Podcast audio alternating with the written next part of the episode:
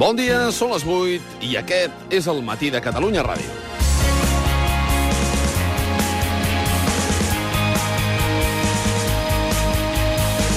Que el foc crema ho sap tothom i que posar-hi la mà és arriscat, també.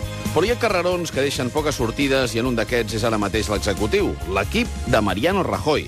No el PP, al carreró diuen que hi és Mariano Rajoy, com ja s'ha encarregat de deixar clar, entre d'altres, Esperanza Aguirre.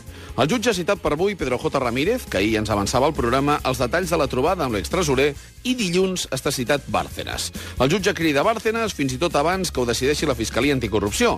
I la cita de Bárcenas no serà com les que hi ha hagut fins ara. No serà tirar pilotes fora, no serà negar l'autoria, no serà dissimular la cal·ligrafia, no serà la negació dels fets.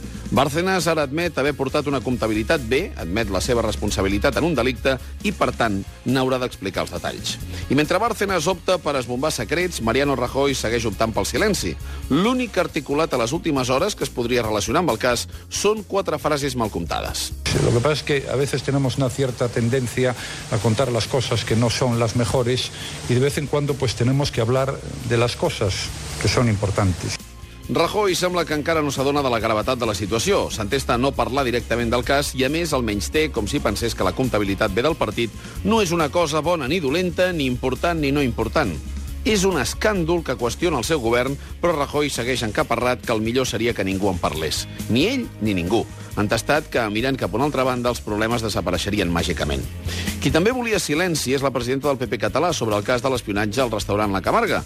Alicia Sánchez Camacho va pactar primer amb l'agència Método 3 aparcar les responsabilitats eh, civils del cas i ara denunciarà al setmanari El Triangle per haver fet pública la gravació íntegra de la seva conversa amb l'exnòvia de Jordi Pujol Ferrusola. Sánchez Camacho sí que n'haurà de donar explicacions al Parlament. Ella i l'exdirigent del PSC, José Zaragoza, els han citat perquè informin d'aquest cas d'espionatge i de les relacions que tenien amb l'agència de detectius Método 3.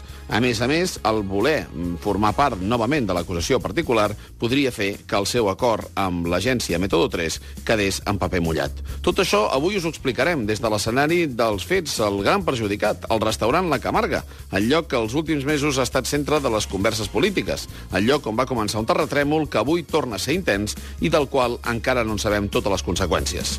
Benvinguts a casa vostra. El matí de Catalunya Ràdio, amb Manel Fuentes.